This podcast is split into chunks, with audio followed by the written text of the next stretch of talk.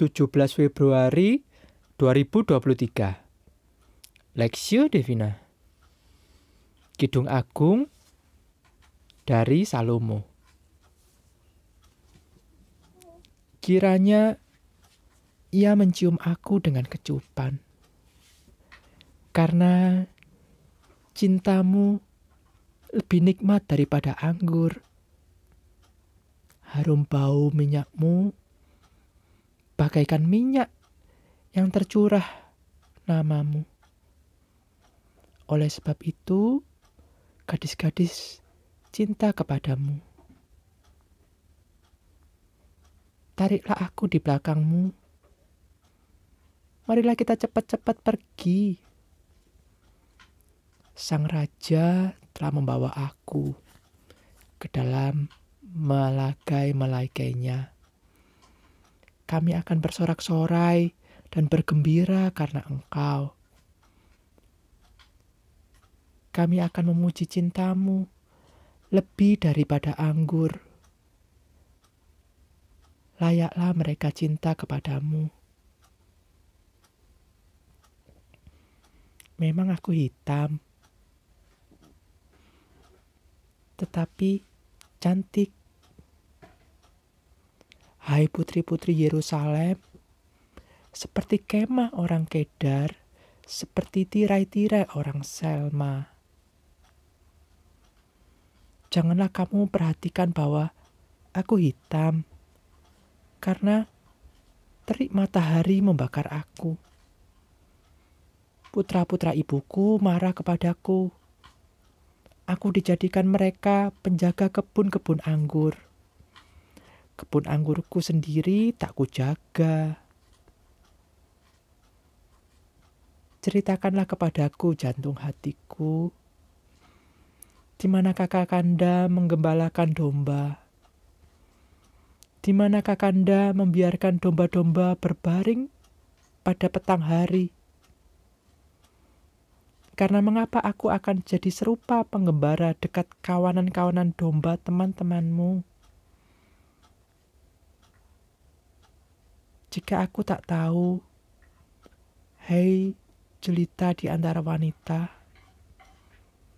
ikutilah jejak-jejak domba dan gembalakanlah anak-anak kambingmu dekat perkemahan para gembala.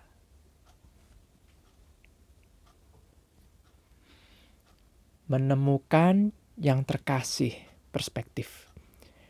Memang hitam aku tetapi cantik.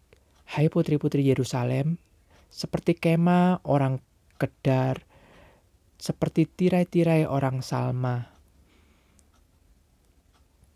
Kidung Agung pasal 1 ayat 5. Dalam kehidupan sehari-hari terjadi kesalahan mengintrospek menginterpretasikan menginterpretasikan kasih pada antara sesama termasuk keluarga bahkan pernikahan.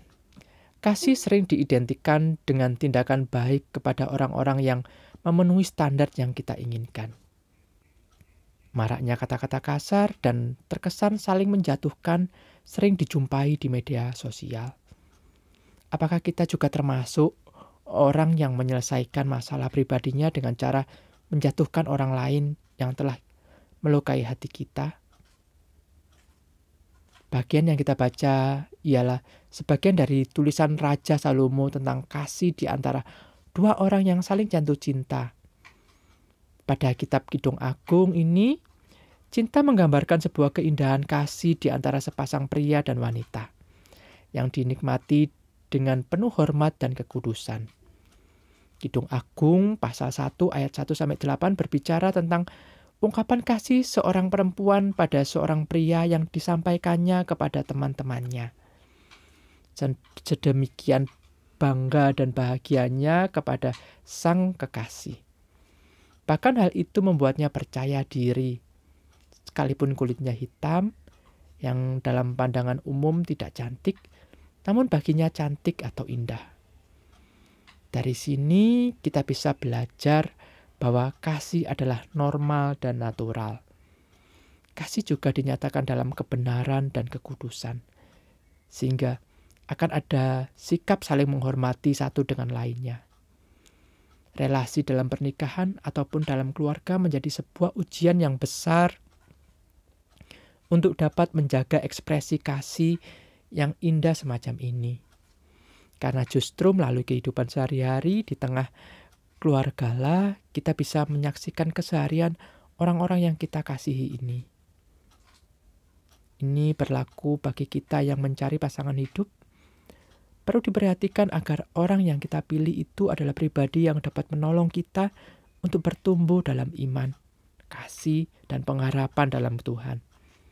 Itu terwujud melalui kata-kata dan perbuatan yang menghargai dan saling menghormati. Kasih bukan tidak sekedar menuntut orang lain menjadi seperti yang kita inginkan, namun juga menerima dengan keunikannya dan mem dan mema dan memanfaatkan perbedaan itu sebagai sarana pertumbuhan bersama.